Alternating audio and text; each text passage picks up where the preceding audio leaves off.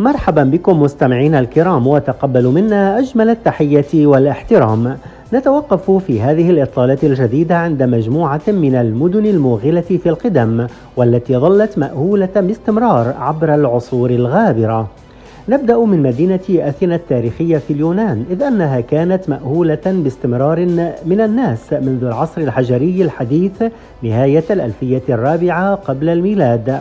وعندما صارت كجزء من الحضارة الميسينية أصبحت الأبرز في اليونان القديمة في الفترة الواقعة بين عام 1300 و 1200 قبل الميلاد.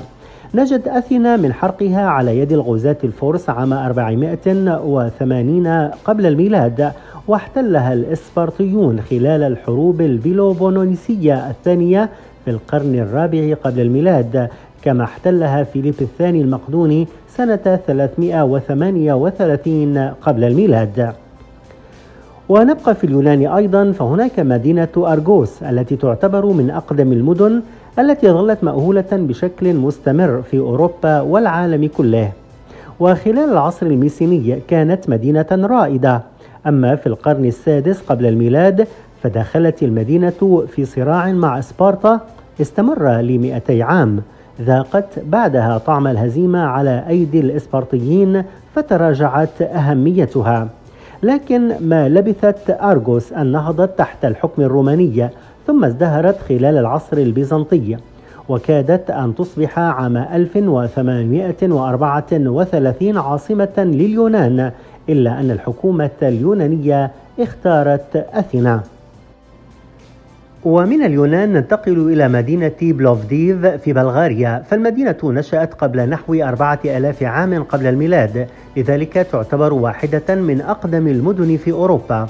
وكانت تسمى قبل ذلك مدينة فيلبي نسبة إلى الإمبراطور الروماني فيليبوس والد الإسكندر الأكبر الذي فتحها سنة 342 قبل الميلاد. وأطلق عليها اسم بلوفديف في القرن الخامس عشر. كانت مطمعا للمهاجمين من الفرس والإغريق والكلت والرومان والقوط والهون والفايكنج والصليبيين والعثمانيين وتعتبر مركزا ثقافيا رئيسيا في أوروبا. ونعرج على إيران لنتوقف عند مدينة سوسي أو المعروفة حاليا باسم شوش فهي واحدة من أقدم المدن في الشرق الأوسط. يعود تاريخ نشأة المدينة إلى عام 4200 قبل الميلاد.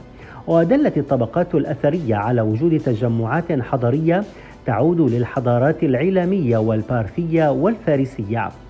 وتحتوي مدينة شوش أو شوشان على مسرحية أهل فارس للكاتب الروماني أسخيلوس وهي أقدم مسرحية محفوظة في التاريخ البشري والمدينة مصنفة موقعا للتراث العالمي من قبل اليونسكو.